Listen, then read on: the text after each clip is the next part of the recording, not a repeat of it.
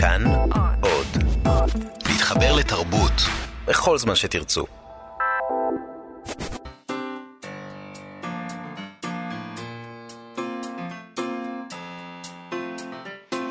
מה שכרוך עם יובל אביבי ומה יעשה לה. שלום, אנחנו מה שכרוך בכאן תרבות, מגזין הספרות היומי שלכם. אה, אפשר להזין לנו ב-104.9 ו-105.3 FM, או ביישומון של כאן. אה, אותו אפשר למצוא כמובן בחנויות האפליקציות. חינם אין כסף. זה מאוד משתלם, דברים שהם חינם, אפילו זה אפילו, אה, אני חושבת שזה לא רק עניין של דברים שהם חינם, יש דברים ש- שצריך לשלם עבורם כסף והם משתלמים גם, נכון, והיישומון הזה, אם היה צריך לשלם עבורו כסף, הוא היה משתלם גם, נכון. אבל הוא חינם! אז על אחת אז- כמה וכמה. מה, איך זה יכול להיות דבר כזה בכלל? מדהים.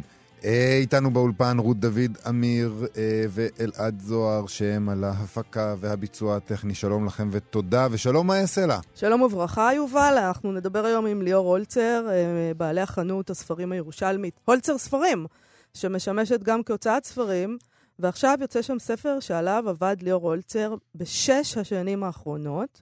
אה, הוא הביא לדפוס לראשונה את ספר הבריאה שכתב נתן האזתי במאה ה-17, ושהספר הזה נשמר עד היום רק בכתבי יד. אז אנחנו נשאל אותו מי זה בכלל נתן האזתי. האיש אה, אה, המליך את, אה, את אה, שבתאי צבי, כן. אוקיי? זה פשוט סיפור מדהים. אה, כל הסיפור הזה בהיסטוריה היהודית. הוא אמר שהוא משיח. הוא הכריז עליו כעל משיח. מדהים. נכון? ו- ונתן היה הנביא שמכריז על המשיח, ואנשים הלכו אחרי זה, זה לא, זה לא, לא סתם זה שני סהרורים. צריך להגיד גם שגדולי הדור היהודים, לפי מה שליאור הולצר מספר לנו, אה, הכירו בנתן העזתי כנביא. זאת אומרת, זה לא שהם היו איזה... שמדובר פה על מישהו שהתחיל מחוץ למחנה, כן? הכריזו עליו כנביא. וחוץ מזה שאנחנו מדברים פה על אנשים שחיו בעזה, היו יהודים בעזה, אה, שזה גם, דבר מעניין. אה, היו בעזה ובכלל, בכל המרחב, הסתובבו במרחב כן. הלבנטיני הזה, זה תמיד כן. מסעיר, כי אנחנו כל כך סגורים פה ולא מסתובבים. בכלל, הקטע הזה של שבתאות וזה, זה קטע מסעיר. אז נשאל את. ליאור הולצר למה כל כך חשוב להביא את הספר הזה לדפוס, למה הוא לא היה עד עכשיו בדפוס, האמת, כן. מאז המאה ה-17, זה- איך זה שאף אחד לא. עשה את זה. אה, אה, אחר כך אנחנו נדבר עם נעמה בנזימן, שהיא מאיירת וסופרת ילדים. עכשיו יוצא ספרה השלישי, נוני ונוני יותר, שהיא כתבה ואיירה. הספר מספר על זוג ארנבים שהם גם חברים, אבל גם אויבים, על ריב ביניהם. אה, מש, משמיצים אותי תמיד, ובצדק, אין לי מה להגיד. מקבלת על עצמי את ההשמצה, שאני לא מתעניינת בספרי ילדים. ההשמצה היא כי הכרזתי על כך שאני לא מתעניינת בספרי ילדים. רק מדי פעם נופל לידיים שלי ספר, כמו הספר הזה, שמעניין אותי. אה, אחד הדברים שבגללם הספר הזה מעניין אותי, זה שיש שם, אה, אין, אין שם את הסוף הזה, הרגיל בספרי ילדים. השניים האלה רבים, הם ברוגז, והם לא משלימים בסוף. אה, אין את הקתרזיס הזה של ה... בוא נשלים, כי הכל חמוד ומתוק. אה, זה הקסים אותי, ואיורים כמובן שהם... אה, שיש בהם משהו למרות שבאיור האח- מפעם. באיור האחרון אפשר לחשוב שם, יש שם איור אחרון שאפשר לפרש אותו כאילו הם שוב חברים. תראה, יובל, אני יודעת שאתה כאן מחזיק את דגל אופטימיסט חסר האופטימיות. תקנה. אה, וזה מאוד מאוד מעניין, כי אתה הרי אדם ציני ולא אופטימי, אבל... אה, אולי עמוק בסדר. בפנים, מסתתר לא, לו... אצלך זה חלק מהעניין הזה של התקינות הפוליטית. אתה אה. מושך לשם, אתה כל כך רוצה שזה יהיה ככה. אני- אני אהבתי את הספר הזה כי הוא לא כזה, ואנחנו נדבר עם נעמה בן זימן על זה. נשאל אותה, האם זה ספר אופטימי או שזה ספר לא, פתוח? זאת לא שאלה בכלל לגיטימית, אם לא? הספר אופטימי או לא. מה זה משנה? לא. מה זה- מה זאת אומרת אם הוא אופטימי? מה- למה זה חשוב שספר יהיה אופטימי בכלל? אוקיי, נתחיל אני ב- רק רוצה להגיד שכבר קראתי בעבר I called bullshit before, ואני קורא bullshit עכשיו, על העניין הזה שאת לא אוהבת ספרי ילדים וספרי נוער וכל הדברים האלה. לא, את אוהבת. את פשוט אוהבת שהם טובים, ובאמת נדיר למצוא דברים טובים בתחום הזה, כמו שבכלל אמת. נדיר למצוא ספרים טובים. אז אני מבקש להפסיק עם ה... לא נפסיק להשמיץ אותך, כי זה. לחם חוקנו. אה, אה, בבקשה, לא להפסיק להשמיץ אותי. אה, אבל כן אפשר אולי להשמיץ אותך על דברים שיש להם איזשהו הקשר למציאות, ולא דברים מספיק, לגמרי. ויש יש מספיק, בדיוק. טוב, נעבור לפינה הבינלאומית. סתם, אין לנו פינה כזאת, זה המצאנו את זה הרגע. למה אה, אתה אומר המצאנו? יש לך תולעים? מתי המצאת את זה? מה, למה אתה מדבר ברבים? אני לא מוכנה לקחת אחריות גם על ההמצאות לא, שלך. זה ה- זה הווי המלכותי, אני אה, מלכת אה, בריטניה. אוקיי. אז אה, הפינה הבינלאומית, אנחנו לא כן? מדברים על הבריטים, אנחנו מדברים על הצרפתים, על למונד, העיתון הצרפתי שנוסד ב-1944, מציין השנה 75 שנים ראשונות לקיומו. במסגרת החגיגות שם הוציאו תוספת מיוחדת של 100 הרומנים הגדולים שעליהם נכתב בין דפי העיתון לאורך השנים. הם אומרים, אנחנו מתגאים נורא בזה שאנחנו עיתון שעוסק בספרות, זה, זה דבר חשוב אצלנו, והם כוללים שם את הביקורות שנכתבו עליהם בזמן אמת, זאת אומרת, על הספרים שמזכירים, שלא היו תמיד חיוביות. מתגאים בכך שלא רק הספרים והסופרים שכתבו עליהם היו חשובים ומרכזיים, גם המבקרים שלהם היו כותבים מפורסמים ובעלי נוכחות. נכון, אחד מהם למשל היה פייר אנרי סימון, שב-1968 כתב ביקורת מסויגת למדי על הספר הנאווה לאדון של אלבר כהן, שזיכה אותו בפרס האקדמיה הצרפתית. המבקר טען בביקורת שלו, אמנם שכהן, כמו הגיבור שלו, סולל, חושב שהספר הוא כמו החיים, שופע רעיונות, מילים תשוקות, ושבעמודים רבים בספר הזה יש דימויים פואטיים ומטאפורות חזקות. אבל, מצד שני, הוא חושב שהוא ארוך ואחיד, יש בו טעם רע ותחושה של צעידה בכל תובעני, שאתה רוצה שהליקופטר יבוא ויחלץ אותך ממנו. הציטוט משם. לרגל הפרסום, הליקופטר. עכשיו שאלו את המבקר כיצד הוא פספס את הספר החשוב הזה, אה, והוא ענה בכנות אה, מצערת בעיניי, אגב. אה, אני, אני חושבת שאנשים צריכים להיות פחות כנים בעניין הזה, אבל הוא ענה בכנות, כך: יש נסיבות של הזמן. באותם ימים קיבלתי קופסאות של ספרים לביקורת, והספר הזה היה עבה וארוך, 850 עמודים, ורציתי, במיוחד באותו זמן של חופשת הקיץ, לשקוע בספר קליל יותר. שזו תשובה מצחיקה אך מצערת. אבל- כי, כי זה תופס אותנו בקלוננו. אבל המ- זה. נכון. נכון, אבל זה אתה יודע, נכון, לפעמים מגיע ספר של 850 עמודים ואתה אומר, אה, אין לי כוח עכשיו לקרוא כמו שאבא 850 שלי היה עמודים." אומר, אה, עדיף אה, שתשתוק ונחשוב שאתה טיפש, מאשר שתדבר ואתה תוכיח שאתה טיפש. אני, כפי, עדיף ש... כפי לשתוק. שאת יודעת, אני לא נותן לחוק הזה, זה לא הנר לרגליי, החוק הזה של נכון. אבא שלך. אני, אני תמיד מעדיף לפתוח את הפה ולהוכיח ולהוכיח שאתה טיפש. יפה. בואי נזכיר שם כמה מהכותרים שהם... אה, נזכיר פה כמה מהכותרים שהם מציינים שם. וראשית, כמובן, בשם התקינות הפוליטית הזאת, הייצוג, זה לא עניין של תקינות פוליטית, זה עניין של הלאומנות שלך. לאומנות שלי גם, וואו, אני יוצא טוב מה, מה, מהתוכנית לא, זה היום. פשוט לא קשור לתקינות פוליטית, אנחנו מחפשים ישראלים בכל מקום. אפשר לתת כבוד לישראלים ברשימה הזאתי. רגע, ניתן להם. יש שם שני ספרים של כותבים ישראלים ברשימה. זהותם עשויה להיות שוק גדול לכל מי שמצוי ב... בעניין הזה של הספרות. הראשון הוא עמוס עוז. אה, עם סיפור על אהבה וחושך. את הביקורת עליו כתבה רפאל ררול ב-2004. היא מתארת שם כיצד מסלול חייו של עוז הפך אותו לסיפור בעצמו. היא אומרת שהמסלול שהוא עבר ושהוא מתאר בספר הזה, הפך אותו למשהו בחברה הישראלית, ושהספר הוא יצירה מונומנטלית ומרגשת של זיכרונות, אוטוביוגרפיה ייחודית ולא ליניארית. והיא כותבת כך, מאחורי דמותו של עמוס קלוזנר הקטן עומד עם שלם. הוא חתיכה בפאזל של העם מהגלות. בגלות. אוקיי, אני, אני, אני תמיד מצטערת קצת שבוחרים בספר הזה של עמוס עוז, שבעיניי זה לא הספר הגדול של עמוס עוז, אבל בסדר. הספר השני ברשימה של אה, 100 הספרים הכי טובים של הלמונד הוא אה, אישה בורחת מבשורה של דוד גרוסמן. בביקורת שנכתבה שם מסופר סיפור מותו של אורי גרוסמן, ומצוטט דוד גרוסמן כאומר, חשבתי שהספר יגן עליו, מילים כמו שקי חול. לפי הביקורת, הקריאה בספר הזה, בעיני המבקרת, היא מרגשת מאוד. ספר שניסה להציל ללא הצלחה, הציל בלי להציל, שנכתב לכבודו של אורי גרוסמן, ובאותו זמן מהווה את הקבר שלו, המנון לחיים ומוזיקה של הסבל. אה, אה, תשמע, זה אה, טקסט מזעזע. אה, הביקורות שם אה, הן כל כך... באמת, אה, אם זה היה נכתב בעברית, זה עושה לי צמרמורת. קודם כל, הוא גם לא נכון, זה לא נכתב לכבודו של אורי גרוסמן. אה, גרוסמן כתב את זה לפני, הוא יצא בזמן. הכל פה מצער, השימוש הזה. זה אני נורא. רוצה להגיד ש... הדבר נורא, והשימוש בזה נורא. הצרפתית שלי לא מאוד משובחת, אבל ממה שקראתי שם, ניכר שהצרפתים נורא רוצים לצאת פואטיים ומלאי מטאפורות לחיים בביקורות ומוזיקה שלהם. של ככה הם, בחייך. כות- ככה הם כותבים את הביקורות בסדר. שלהם, וזה באמת לפעמים, זה מאוד שונה, אה, זה מעניין, זה שונה מהסגנון של הביקורות שלנו. אה, שהם אה, בישראל נוטים להיות הרבה יותר ישירים ו- ופחות לחשוב שהביקורת היא יצירה בפני עצמה. נזכיר עוד כמה כותרים שם מתוך הרשימה הזאת. התפסן בשדה השיפון, למשל, של סלינג'ר, כתבו שם ב-1962, הנה, בבקשה, עוד, עוד משפט בשבילך. הוא רודף, הספר, רודף אחרי החלום שיקרוס אם ננסח אותו במדויק. זה דווקא יפה. זה לא הספר, זה הוא. אה, זה סלינג'ר. זה... קולפילד. מישהו משם. הולדן, הולדן. רודף אחרי חלום, שיקרוס אם ננסח אותו במדויק. אני חושב שהם התכוונו לסלינג'ר, אבל אולי לא. אה, עוד אה, ספרים שם, דוקטור ז'יוואגו של פסטרנק, אה, ארוחה עירומה של אה, ויליאם בורוז, מחברת הזהב של דוריס לסינג, המילים של סארטר, האומן ומרגריטה של בולגקוב, 100 שנות בדידות, של, אה, 100 שנים של בדידות של מרקס. אוקיי, ויש שם גם את זורבה היווני, שזה, של קזנצקיס, שזה בחירה משמחת, שם הוורד של אומברטו אקו, ילדי חצות של סלמן רושדי, ספר האי נחת של פסואה, הקלות הבלתי נסבלת של הקיום של קונדרה, חמדת של טוני מוריסון, אה, שאני קוראת אגב עכשיו שוב, כי זה יצא בהוצאה מחודשת ואני רוצה להיזכר בו. ספר יפה מאוד, חייבת לומר, מזעזע נכון. ויפה.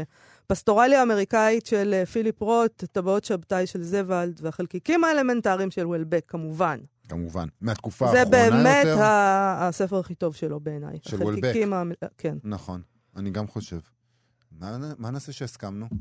מהתקופה האחרונה יש שם יצירות כמו ספרד של אה, מולינה ו-2666 של בולניו ונוטות החסד של ג'ונתן ליטל ו...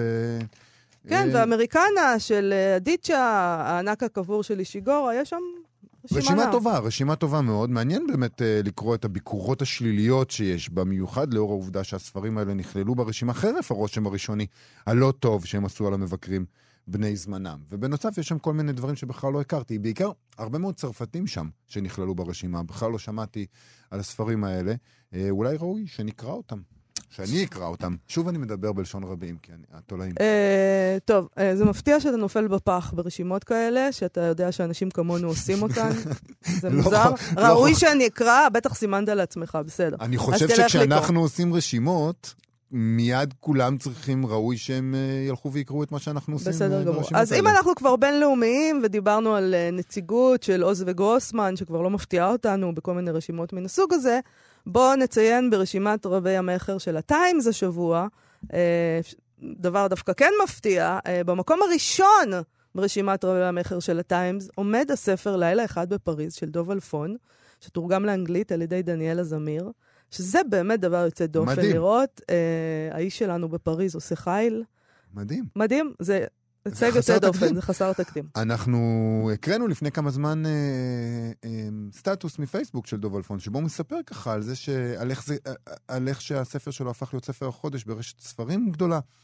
ו...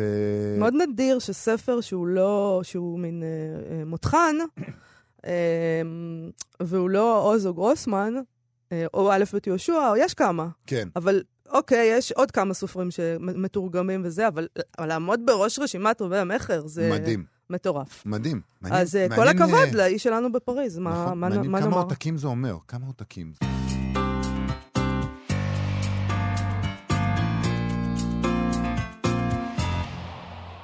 אה, נתן נעזתי נחשב לנביא על ידי בני תקופתו במאה ה-17, הוא היה חלק מתנועת השבתאות, הוא ממנהיגיה, אה, הוא כתב טקסטים רבים, ובהם ספר הבריאה, שנשמר עד היום רק בכתבי יד. היה ניסיון להביא אותו לדפוס בעבר, ניסיון שלא צלח. יכול להיות שזה המוניטין המפוקפק שיש לתנועת השבתאות בקרב היהודים, שמנע ניסיון נוסף מאז. אבל עכשיו ליאור אולצר, שהוא מבעלי חנות, הוא בעלי חנות הספרים הירושלמית אה, והוצאת הספרים, אולצר ספרים, מוציא לאור את הספר הזה, לראשונה בדפוס, בתוספת 250 עמודי פרשנות שלו, אחרי שש שנות עבודה. שלום ליאור אולצר. שלום וברכה. אה, קודם כל, לטובת, אה, לטובתנו, אה, ספר לנו קצת מי היה נתן עזתי, מהו ספר הבריאה, למה אנחנו צריכים להכיר את האיש הזה ואת מה שהוא כתב. או, נושא מאוד מאוד חשוב. רבי נתן מעזה נחשב כפוסק הדור וכגדול בחוכמה ובהלכה ובקבלה של תקופתו. גם שמואל ויטואל, גם משה זקות, גם שלמה לניאדו, כל חכמי הדור, ראו אותו כפוסק הלכה ואיש בעל הקבלה החשוב שבדור שלו.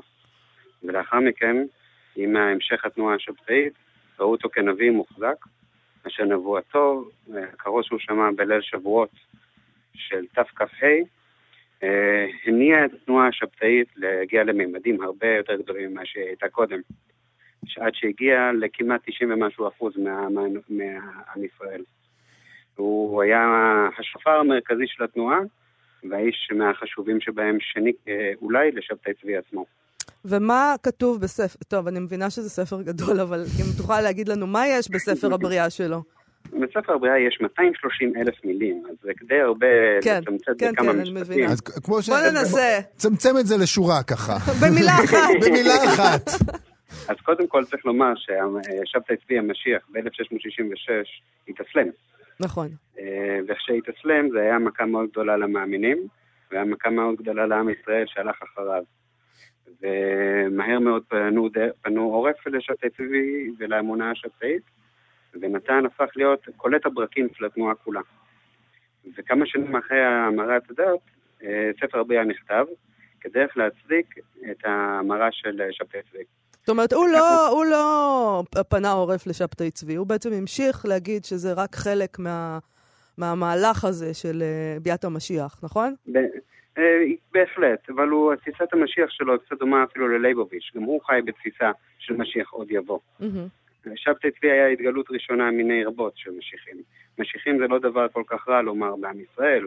גם בר כוכבא, גם שלמה מולכו, אפילו הרב שניאורסון מלובביץ' נחשב משיח, ואנשים חס ושלום לא ירוקים אחרי ששומעים את שמם. כן. אבל בכל זאת לשבתאי צבי יש אה, מוניטין מפוקפק אצלנו בימינו, ובכלל לתנועת השבתאות. יכול להיות שבגלל זה אה, ספר הבריאה נדחק ככה, החוצה, מחוץ לקורפוס, לא עשו איתו... בהחלט, בהחלט. קודם כל אני חושב שזו טעות היסטורית שדחו את, את התנועה השבתאית בעניין הזה. זה קרה כ-60 עד 100 שנה אחרי אה, התאסלמותו של הצבי. בזמן אמת זה לא היה כזה big deal, הוא היה פשוט משיח שהיה אמור להתאסלם. וגדולי הדור היו בסדר עם זה. אז מה קרה? בחרמות, בחרמות הגדולות, 60 שנה אחר כך, של... אה, התחילו עם נחמיה חיון ויעקב עמדן ויונתן אייבשיץ, אז כבר הוקמה תנועת האורתודוקסיה כנגד האנשים שהאמינו באמונה השבתאית. עכשיו, כל זה צפוף וזה די רחב ומורכב מאוד ומפותל, ובגלל זה כתבתי 250 עמודים של uh, ביאור מה קורה בספר בריאה. זה ספר קבלה מאוד מאוד מתקדם, משיטת ישראל סרוק, אה, של אה, קבלת הארי, וזה מאוד מאוד מורכב, וזה 276 עמודים, כלומר 168 דף. אה, בומבה, כלומר, זה הבומבה של התנועה השבתאית עצמה, שמתאר מבחינה קבלית למה המשיח היה צריך להתאסלם. אז תגיד, למה עד היום לא, אתה יודע, בוא נגיד היו... שהאורתודוקסיה הייתה דוחה את המעשה, תדחה את המעשה הזה שלך שעשית עכשיו?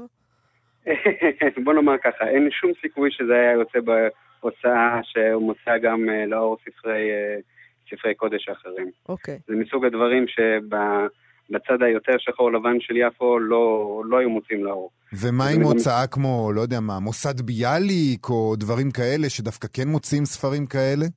מוסד ביאליק זה בהחלט, uh, בהחלט הוצאה ראויה. אולם אני חושב שזה ספר, כיוון שזה ספר קודש, זה ספר קבלה, והם פחות מתעסקים בזה, זה פחות יתעניין בהם. זאת אומרת שבעצם הספר הזה נפל בין הכיסאות, אף אחד לא, האורתודוקסיה לא תיגע בו, והחוקרים החילונים לא ייגעו בו, ו... אתה חושב, ליאור, שזה ספר מסוכן? אפשר להגיד עליו שהוא ספר מסוכן? אמ, כן ולא. קבלה זה תמיד עניין מסוכן, זה עוסק כן. בשאלות החשובות. ואנשים אוהבים למסך את עצמם מהשאלות החשובות, ולשים את עצמם בתוך תענוגות ותחושתיות בצורה מתמדת. אה, ואנשים לא אוהבים לדבר עם עצמם על הדברים הכי חשובים, וזה בדיוק מה שספרות הקבלה עושה, היא מביאה אותך לדברים החשובים. ואני לא יכול לחשוב על סכנה יותר גדולה שיש לנפש האדם זה שהיא מתפגש בעצמה. אה, אבל מה שעמד לנגד עיניך זה ניסיון לזכות, כן לשנות את התדמית הזאת של השבתאות? כי זה כאילו, כל... זה, זה כאילו דבר שנתפס בעינינו, בעיני היהודים, כמשהו מסוכן. שפתאום אה, הדבר הזה יחזור, ופתאום יהיה לו איזה, איזה גושפנקה, פתאום יהיה מקובל, ו, והרעיונות שבו, אתה יודע, כולנו נת, נלך פתאום לפי רעיונות שהפכו להיות מוקצים מחמת מיעוט. ונתאסלם. ונתאסלם, כמובן. אני לא חושב ש... שיש אה, חשד אה, שעם ישראל עומד להתאסלם בקרוב. נאמר את זה ככה. לא. לא. ושנית, מה שחשוב לי זה לא לזכות או להתיר את ה... לטהר את השרץ או דברים שכאלה. אני חושב שנתן העזתי הוא איש אה, גדולי שלומי אמוני ישראל שלא קיבל את המקום הראוי לו בפנתיאון הגדול של הרבנים הח- החשובים. הוא עדיין היה פוסק הדור וגדול המקובלים של דורו. הוא היה איש מאוד מאוד חשוב. ושבתאי צבי זה סיפור אחר, אבל נתן העזתי הוא ללא ספק איש טהור. אה, לא יצא כפסע מן, הדרך, כל חייו היו בהלכה בטהרה גדו- אה, אה, גמורה, ואחרי התעצמות הוא שם את כל כוח מרצו בשביל לבוא ולעצור אנשים מלהתאסלם בשיניים. שלא יהיה מצב שאנשים יתאסלמו אחר כך, ביחד עם שבתאי צבי. וזה רעיונות מאוד מאוד מורכבים. אז לבטח רבי נתן הוא איש חשוב ורציני, ואחד משלומי אמוני ישראל. ויום אחד, אם לא תמצא חנייה ברחוב אה, נתן מעזה, אתה יכול להאשים אותי. תגיד, מה זה, מה זה אומר בפועל אה, לקחת את ספר הבריאה ולהביא אותו לדפוס? מה הבעיה בעצם? יש ספר, יש כתב יד, מדפיסים.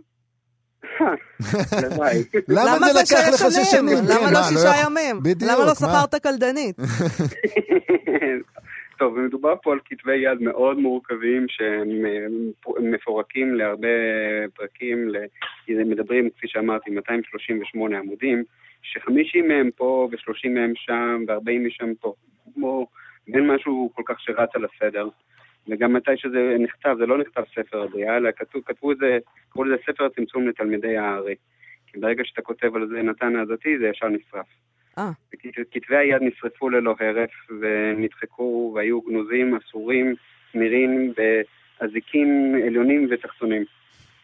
אה, ואיש אה, גדול וחשוב בשם פרופסור חיים דרשובסקי התחיל לעמול על המלאכה החשובה הזאת וליקט כתבי יד מכל העולם, מבודפשט, מבודפ- מאוקספורד, מהמדינה, ספריית המדינה הפרוסית, מהרבה מקומות, והביא את זה לארקה קדישא, לבית הספרים הלאומי, שעכשיו יש לנו כתבי יד שאפשר לעבוד איתם, אה, הספרייה הלאומית צרכה אותם, והם זמינים למי שצריך, אה, למי שיודע לעבוד עם כתבי יד.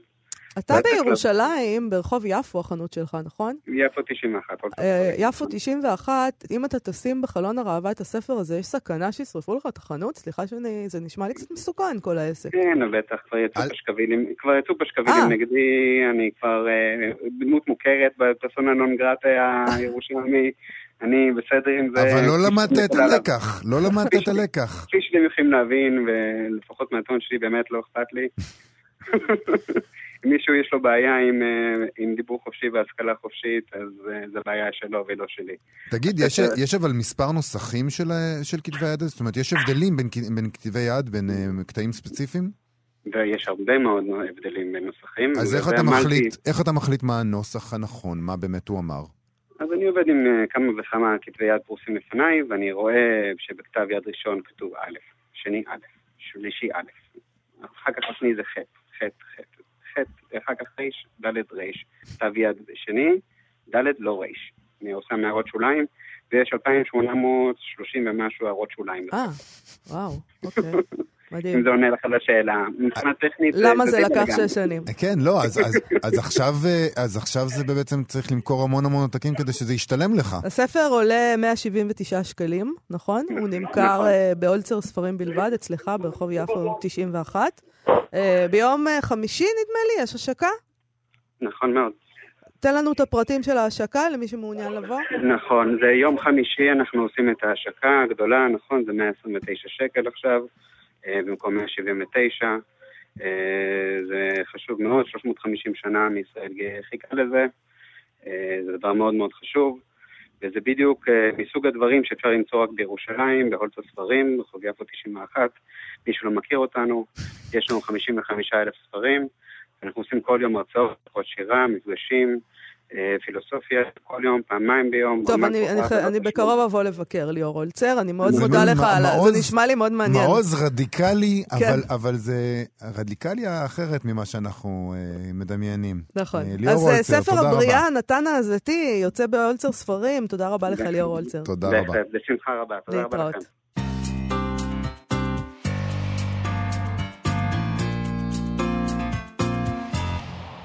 מה שכרוך, כאן תרבות, חזרנו. אה, חוקים הבלתי כתובים של אה, ספרי הילדים אה, בעת הזאת, בוא נגיד.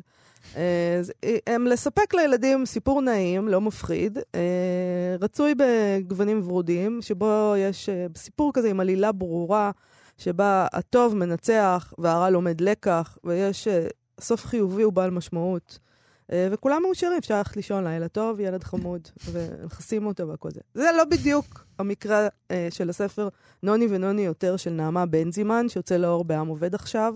שבו יש ארנב, אלוף הקפיצה של היער, הוא פוגש חבר שמתגלה כקופץ טוב יותר, מה שמוביל לסכסוך חריף בין השניים, כי אנחנו לא תמיד יודעים להפסיד בכבוד, אה, ולסוף שאין בו בהכרח happy end. כל הדבר הזה עטוף באיורים נפלאים, באמת, אה, שמיד ככה מעלים לראש את האיורים הנהדרים של קלאסיקת הילדים הישראלית מיץ פטל. משהו, משהו בספר הזה כל כך מצא חן בעיניי, הוא כל כך שונה בנוף. נכון. אה, נעמה בנזימן היא מאיירת ישראלית, זהו ספרה השלישי לילדים, אה, קדמו לו אמיליה והכובע הגבוה של האלברט. שלום נעמה בנזימן. שלום מאיה ושלום יובל. שלום. אז אמ, האם אה, העובדה שאני כל כך מתפלאת על הסוף, היא בעיה שלי, או שבאמת זה דבר, זה עניין, ושנגיד גם העירו לך על זה במהלך ההוצאה לאור של הספר, שאין סוף מוחלט, שהם לא מתחבקים ומתנשקים בסוף ומשלימים. אמ, אני התלבטתי מאוד איך לסיים את הספר, אה, עשיתי המון גרסאות. אני חושבת שהסוף הוא פתוח ויש יותר מדרך אחת להבין אותו, אבל uh, הספר הזה שייך לז'אנר שנקרא פיקצ'ר בוק, mm-hmm. ובפיקצ'ר בוק האיורים יש להם תפקיד מאוד מרכזי ב... בעלילה, ובעצם אה, אי אפשר להבין את הספר רק באמצעות המילים. כן. אז אני חושבת שאם uh, מתבוננים טוב, uh, אז אפשר למצוא בספר uh, סיום שהוא, אפשר לומר, חיובי. זאת אומרת, זה נכון שזה פתוח, אבל uh, כן, מבחינת האיור לפחות, יש נחמה ב- בסיום הספר. אבל... אם יש שם הורים כמו יובל כאלה, שרוצים ככה שהכל יהיה טוב בסוף. נכון, יובל? בהחלט. לא, הוא יכול לדפדף ולהגיד, הנה, הם שניהם ביחד פה. אז מה, נספר לאנשים מה זה האיור האחרון? זה יעשה להם ספוילר. אתה יכול לספר, אתה יכול. אז הספר מסתיים אה, אה, בכך שבעצם... אה, שני הארנבים הנחמדים האלה... הארנב יושב, הטקסט הוא שהארנב יושב וחושב לעצמו, איך אני מתגעגע לחבר הטוב שלי הזה. שאנחנו כבר לא חברים, אולי, נכון? אולי אני יכול, אני אקריא את, את העמוד תקרא, האחרון כן. שיש בו טקסט. Mm-hmm. שזה למבוגרים שלא יכולים uh, להסתכל על איורים. יום אחד כשנוני יותר יצא מהבית שלו, הוא ראה שהשלג נמס. ליד השביל עדיין מונחת המתנה שנוני הביא לו ליום הולדת. הוא נזכר איך היה להם ביחד כיף הכי בעולם. וזהו. וזהו. ככה זה נגמר. אבל, כשהופכים את הדף לעמוד האחרון, רואים אה, איור של שני הארנבים ביחד, קופצים, וכל אחד מהם אומר בעצם אה, את המילת קפיצה שלו. אחד מהם זה יופידידו, והשני זה קפיץ תקפוץ. אז, כשאני קראתי את זה, אני חייב להגיד, חשבתי לעצמי שלא ברור לי האם אה, הארנבונים האלה מדמיינים לעצמם שהם שוב ביחד, אבל למרות שזה לא במציאות, או שזה באמת קורה. זאת אומרת, כן יכול להיות שהם פשוט שניהם מתחרטים על הריב אבל, ומדמיינים לעצמם שהוא נגמר, אבל הוא לא נגמר בעצם. אבל הם גאוותנים, והם לא... הם, אף אחד מהם לא עושה את הצעד הראשון, כמו, כמונו. אז יש כל מיני דרכים שאפשר לקרוא גם את האיור האחרון. זה מה שיפה נכון. בספר. כן, לא, אה, זה, זאת אומרת, אני, זה, זה כמובן, אה, חשבתי על כל האפשרויות האלה ו, ובחרתי להשאיר את זה באופן שיש אופציה אה, לפרש את זה כך או כך, וגם קיבלתי הרבה מאוד תגובות גם מילדים, כולל ילדים שיש להם ממש הוכחות אה, למה זה כן סוף טוב. כי למשל, בסוף רואים שיש, בספר עובר הרבה זמן ומגיע חורף, בדיוק החלק גם שקראת. אז באיר... בעמוד האחרון רואים שהם עם מעילים ושיש להם מטריה, וזה דבר שלא היה בהתחלה, ולכן הם אמרו לי, לא יכול להיות שזה זיכרון, כי, כי זה התחיל במזג אוויר אחר לגמרי, והנה אנחנו רואים גם בסיום שאחד קופץ יותר גבוה מהשני, והם קופצים ביחד, וכל אחד מהם נכון. יכול להגיד... הם באמת מסתכלים על האיורים יותר טוב מאיתנו, אה? הם אלופי העולם, הילדים, וזה חלק ממה שמבחינתי מאוד מאוד מעניין בעבודה לגיל הזה, לילדים שהם לא קוראים, כי ברגע שנכנסת הקריאה, אה, יכולת ההתבוננות, היא, אנחנו מאבדים אותה וגם כמבוגרים אנחנו מאבדים אותה. אז הילדים, גם לי כשאני עובדת, אני צריכה לנסות אה, להתכוונן למקום שבו מה שרואים הוא יותר משמעותי ממה שכתוב. ועם הילדים בדרך כלל אין קושי, הקושי או המקום היותר מבלבל זה המקום של ההורים או של המבוגרים שהם מאוד נאחזים בטקסט. הילדים הם רואים ו... אבל אם, זה... אם אתה נאחז בטקסט, אז להורים עשוי להיות מאוד מאוד קשה עם הספר הזה, כי הטקסט הוא... אה, הטקסט נגמר כשהם עדיין רבים. וזה משהו, מסר שהורים יכולים ל- ל- להסתייג מלתת אותו לילדים שלהם. קיבלת גם תגובות כאלה? אני לא יודעת אם קיבלתי, האמת שבגדול קיבלתי תגובות מאוד מאוד טובות. אמ, מה שהספר אומר, ואתה קראת את זה, זה שהוא נזכר איך היה להם ביחד כיף הכי בעולם, וזה אומר שהוא נזכר במשהו טוב, וגם אה, בעצם המפתח לפיוס הוא נמצא שם כל הזמן, כי יש אה, ציור ש... ש... כאילו זה ריב בין חברים, ואחד החברים מביא לחבר השני ציור, והציור מחכה שם. פשוט עובר הרבה זמן עד שאפשר להתבונן ולראות, ואז אפשר להשלים. אמ, אבל אני חושבת שהאופציה של הפיוס היא קיימת. אני חייבת להגיד, היו, היו לנו התלבטויות, אני יודעת שיש הורים שקוראים את זה וטיפה עוזרים, כאילו, טיפה מרככים את זה ואומרים, כאילו עושים איזושהי השלמה, אני לא יודעת אם הילדים זקוקים לזה או ההורים זקוקים לזה, להגיד, הנה כן ואפשר להשלים. אה, אבל כשאני עבדתי על זה, הספר הזה באמת מתעסק במשהו שהוא לא פשוט, ואני אה, חושבת שזאת האמת. כלומר, סוג כזה של אה, ריב, תחרות, קנאה, זה דבר שקיים בכל משפחה, בכל גן, ולהדביק לזה משהו מתוק ו happy ending כזה, אני, אני מנסה ש... להיות כנה ו... ופשוט לא נדבק. כאילו... זה מעצבן אותך שהורים אה, מוסיפים משהו כזה? שהם אה, הורים כמוני, שצריכים ככה להמתיק את הסוף הלא ברור הזה? זה כאילו, לוקחים לך את היצירה וקצת משנים אותה. אה, א', אני לא, היא לא שלי, זאת אומרת, fair enough, כאילו, כל אחד... אה, לא מעצבן אותי. אני גם לא, המקום הזה, אני קיבלתי באמת שלל תגובות וגם אה, אה, תגובות של אנשים ש, ושל ילדים שרואים את זה כך וכך וכך, וילדים שהציעו לי פתרונות, ומבחינתי כל דבר כזה הוא, הוא פידבק שהוא, שהוא רלוונטי. נעמה, אני רוצה לשאול אותך, לעבור לדבר רגע על איור. כן. Uh, את זוכת עיטור אנדרסן לאיור, פרס משרד התרבות לאיור, פרס הפנקס לאיור, קיבלת ציון לשבח בפרס מוזיאון ישראל לאיור. את, את, את בעצם באה, זה הדבר הראשון, את מאיירת קודם כל. האם את מתחילה באיור או בטקסט? תלוי, אמ, אבל זה עובד אצלי מאוד מאוד מחובר. אמ, מה שפה היה זה שמאוד ידעתי שאני רוצה לעשות משהו שהוא בינארי, שאני רוצה שיהיה שני דברים שהם עובדים אחד מול השני, שזה קורה בספר גם בצבעים, שזה כחול ואדום, וגם הרבה פעמים ממש בחלוקה של העמודים, יש עמוד ימין מול עמוד שמאל. אה, אז זה כאילו איזושהי תפיסה, וגם בשם, זאת אומרת שיש נוני ונוני יותר, שזה מין דבר וכאילו אותו דבר אבל קצת יותר. אז כאילו רציתי שיהיה איזה, איזושהי תפיסה של קונפליקט של אחד מול השני, אז אז זה מגיע גם מהמילים וגם מהוויז'ואל, זה מאוד uh, ביחד. זה מפתיע אותך שזה הזכיר לנו את uh, מיץ פטל, האיורים, משהו בשפה הזאת שלהם? לא מפתיע, כי כבר קיבלתי... כמו קלאסיקה שאנחנו... אני קיבלתי את זה ואמרתי, מה, אני מרגישה שקראתי קלאסיקה עכשיו, שנכתבה עכשיו. תודה רבה. Uh, אני, מיץ פטל בעיניי הוא ספר גאוני, ממש. אמ, זה ספר שעשיתי עליו, כשעשיתי MA אז עשיתי עליו עבודה, ואז הלכתי לבקר את תמר ריקמן, וכשהספר אה, נוני ונוני יותר יצא, אז שוב הלכתי אליה והבאתי לה את הספר mm. במתנה. אמ, אני מאוד מאוד אוהבת, אבל אני, יש דברים שהם אה, מחוברים למיץ פטל, אבל האמת שבעיניי מבחינה של תוכן, הספרים לא דומים בכלל. אמ, והטכניקה היא גם דומה. זאת אומרת, כן. הספר מודפס בשיטה שהיום לא מדפיסים ככה, זה מבוסס בעצם, זה קצת בנוי כמו הדפס. אה, אז אולי בגלל זה. זה... כן. כן, אוקיי.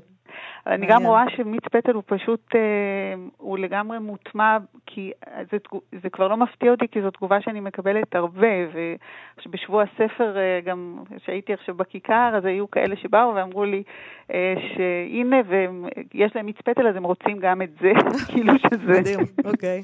כאילו זה ספר ההמשך, שהוא לכבוד הוא לי, אבל אני לא, לא חושבת שזה באמת המשך של מיץ פטל. נעמה בן זימן, נוני ונוני יותר, יוצא עכשיו בעם עובד, ספר ילדים מאוד יפה ושונה. אה, ואפשר לקרוא אותו כמו שהוא, לא להוסיף, לא, לא להשלים מומלץ. אותו. מומלץ. לקרוא אותו כפי שהוא. תודה, תודה רבה רבה, לך על השיחה. הזאת. תודה לכם. להתראות. ביי.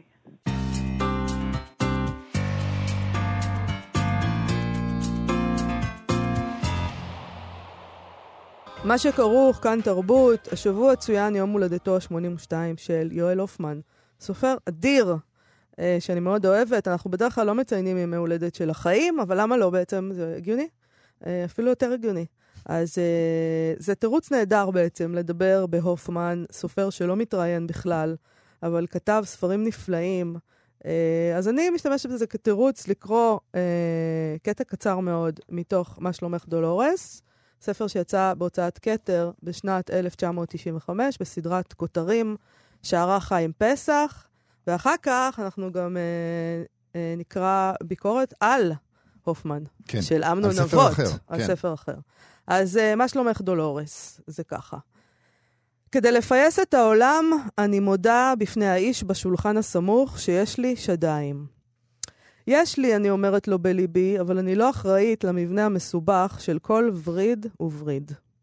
אבל בסך הכל, דולורס, אני אופטימית. ברשימת הקניות שלי ישנם כל אבזרי העיר הזאת. אני קונה חנות של מעילי פרווה וחנות של משחקי ילדים. אני קונה את דודי השמש ואת מודעות האבל שעל העמודים העגולים, ואני משלמת בקרני האור כפליים.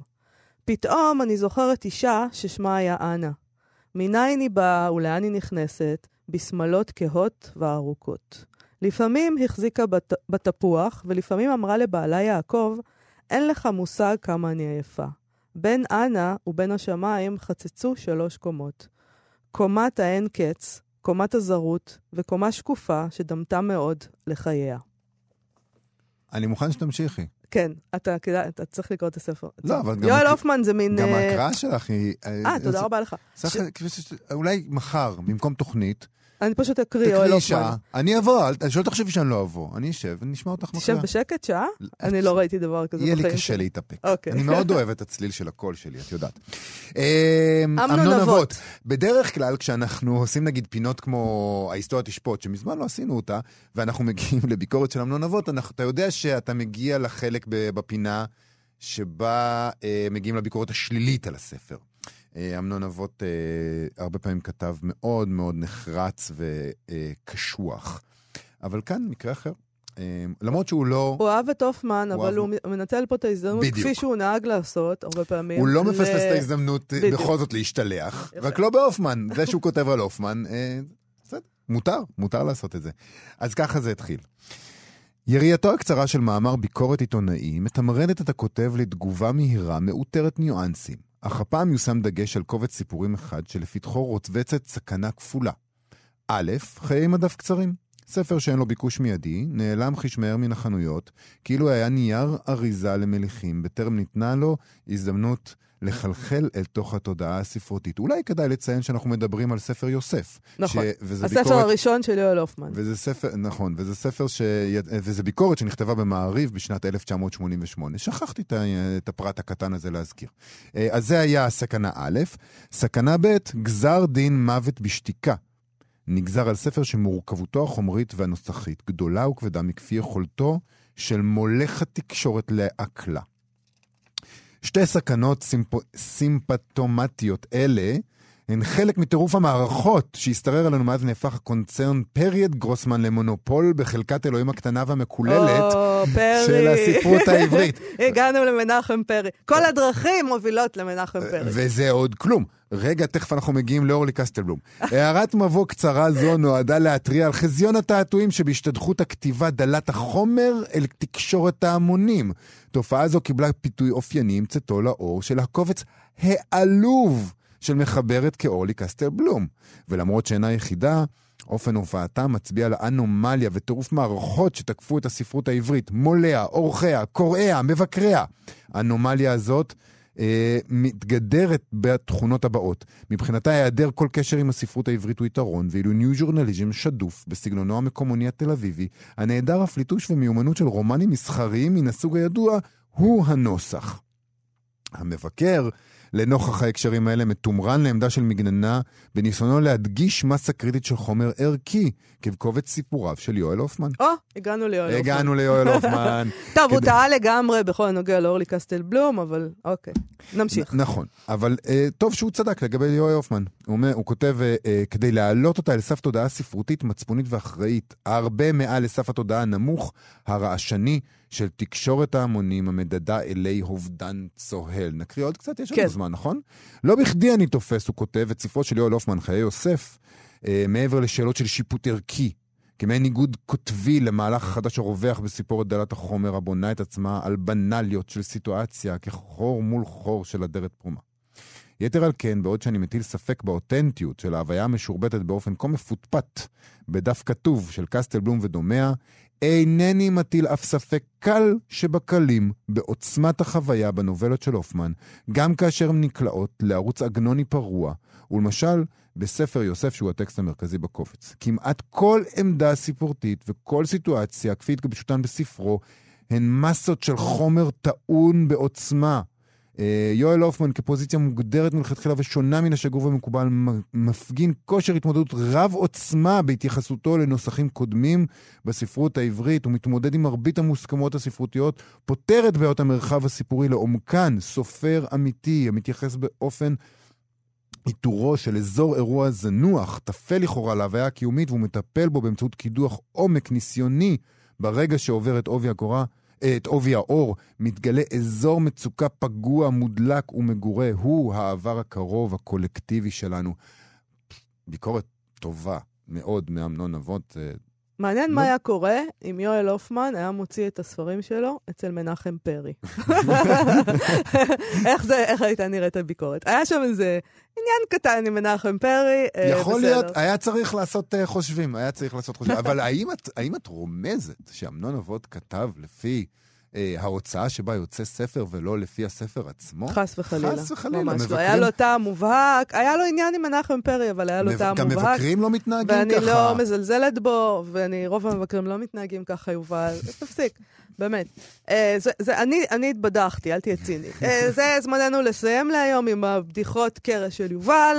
אה, תודה רבה לרות דוד אמיר ולאלעד זוהר שעשו איתנו את התוכנית, ויובל ואני נהיה פה שוב מחר, נכון יובל? נהיה פה שוב מחר. להתראות. להתראות. כאן עוד. להתחבר לתרבות בכל זמן שתרצו.